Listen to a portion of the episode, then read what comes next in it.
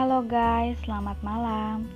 Untuk orang-orang yang belum terpejam atau yang masih terjaga.